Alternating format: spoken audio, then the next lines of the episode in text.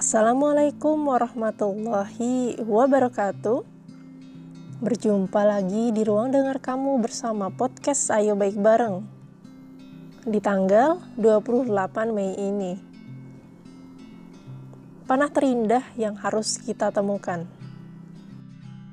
Sekelompok pemanah menunggang kuda mereka menuju sebuah tempat yang terkenal sebagai sarang perampok.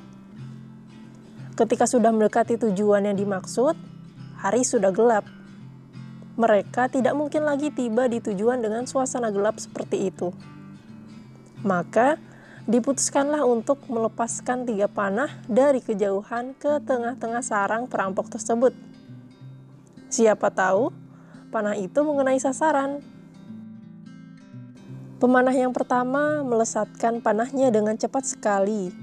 Ia awali sebelumnya membaca surah 16 surat Al-Hadid.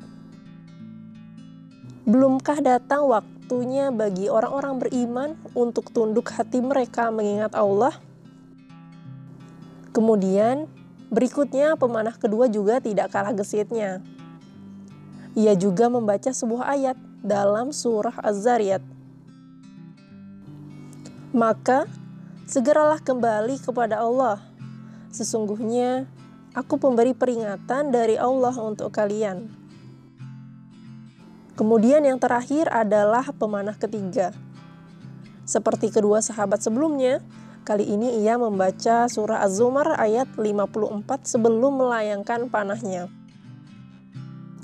Dan kembalilah kamu kepada Tuhanmu dan berserah dirilah kepadanya sebelum datang azab kepadamu. Kemudian kamu tak dapat ditolong lagi.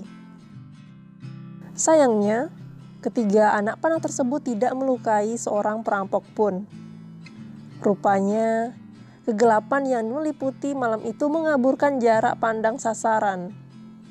Mereka akhirnya kembali pulang, dan tak disangka sang kepala perampok sejak tadi memperhatikan kehadiran para pemanah. Malam itu juga ia mengumpulkan anak buahnya. Sesungguhnya, tiga panah tadi tidak ada yang mengenai tubuhku. Tetapi, panah-panah Allah dalam tiga ayat yang mereka bacakan tepat mengenai hatiku. Maka, saksikanlah saat ini juga aku bertaubat kepada Allah dan berhenti menjadi perampok. Kelak sang kepala perampok menjadi ulama yang termasyur. Dialah Al-Imam Fudail bin Iyad. Masya Allah. Saudaraku, bila di antara kita masih ada yang belum merutinkan membaca Al-Quran, maka berubahlah hari ini juga. Karena masih banyak panah-panah Allah yang siap mengenai hati kita tersembunyi pada ayat-ayat Al-Quran, itulah yang akan menyentuh hati kita. Temukanlah panah-panah tersebut dalam tilawah-tilawah kita. Barakallahu fikum. Semoga kita senantiasa dibaikan oleh Allah di akhirnya ya. Tetap semangat bro and sis, teman-teman semuanya. Tetap di titik kulminasi. Wassalamualaikum warahmatullahi wabarakatuh.